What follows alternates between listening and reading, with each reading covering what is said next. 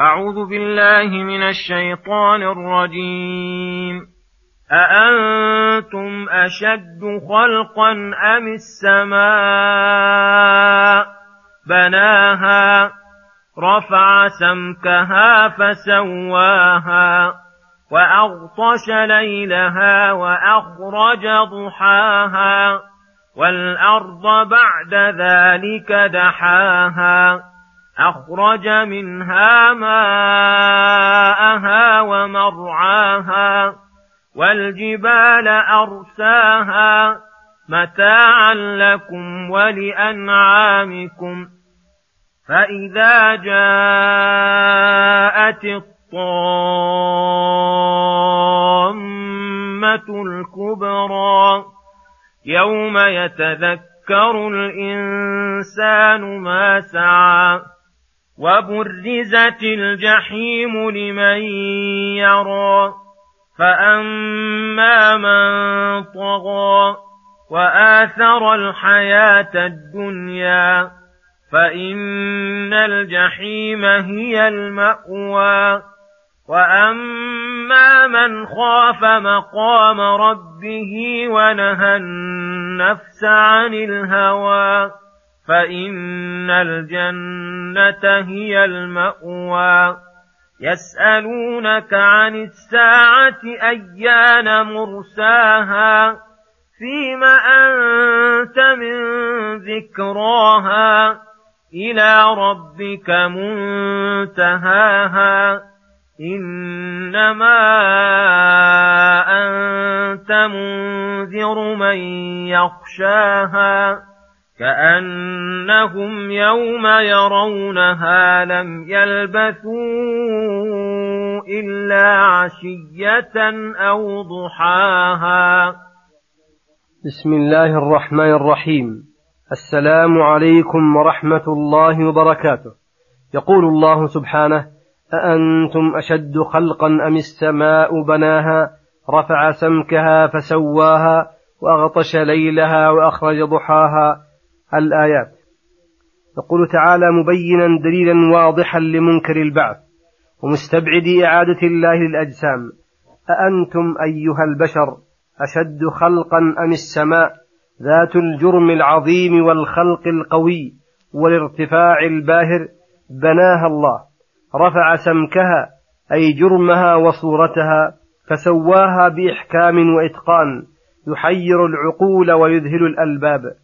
وأغطش ليلها أي أظلمه فعمت الظلمة جميع أرجاء السماء فأظلم وجه الأرض وأخرج ضحاها أي أظهر فيه النور العظيم حين أتى بالشمس فانتشر الناس في مصالح دينهم ودنياهم.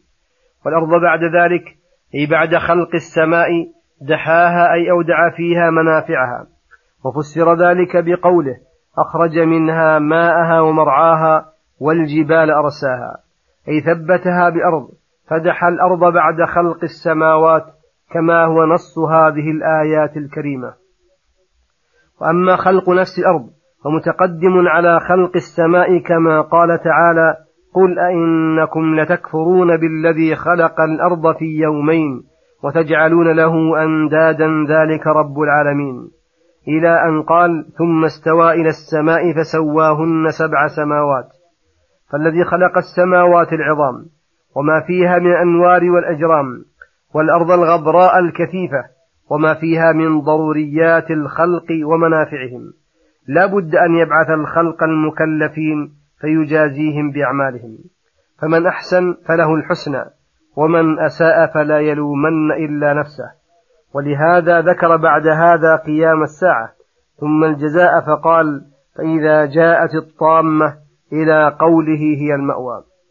أي إذا جاءت القيامة الكبرى والشدة العظمى التي يهون عندها كل شدة فحينئذ يذهل الوالد عن ولده والصاحب عن صاحبه وكل محب عن حبيبه ويتذكر الإنسان ما سعى في الدنيا من خير وشر فيتمنى زيادة مثقال ذرة في حسناته ويغمه ويحزن لزيادة مثقال ذرة في سيئاته.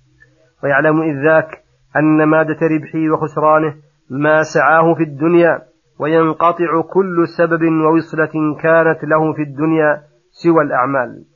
وبرزت الجحيم لمن يرى أي جعلت في البراز ظاهرة لكل أحد قد هيئت لأهلها واستعدت لأخذهم منتظرة لأمر ربها. فأما من طغى أي جاوز الحد بأن تجرأ على المعاصي الكبار ولم يقتصر على ما حده الله وآثر الحياة الدنيا على الآخرة فصار سعيه لها ووقته مستغرقا في حظوظها وشهواتها. ونسي الآخرة والعمل لها فإن الجحيم هي المأوى له أي المقر والمسكن لمن هذه حاله. وأما من خاف مقام ربه أي خاف القيام عليه ومجازاته بالعدل فأثر هذا الخوف في قلبه ونهى النفس عن الهوى الذي يصدها عن طاعة الله فصار هواه تبعا لما جاء به الرسول وجاهد الهوى والشهوة الصادين عن الخير فإن الجنة المشتملة على كل خير وسرور ونعيم هي المأوى لمن هذا وصفه. ثم يقول سبحانه يسألونك عن الساعة أيان مرساها فيما أنت من ذكراها الآيات.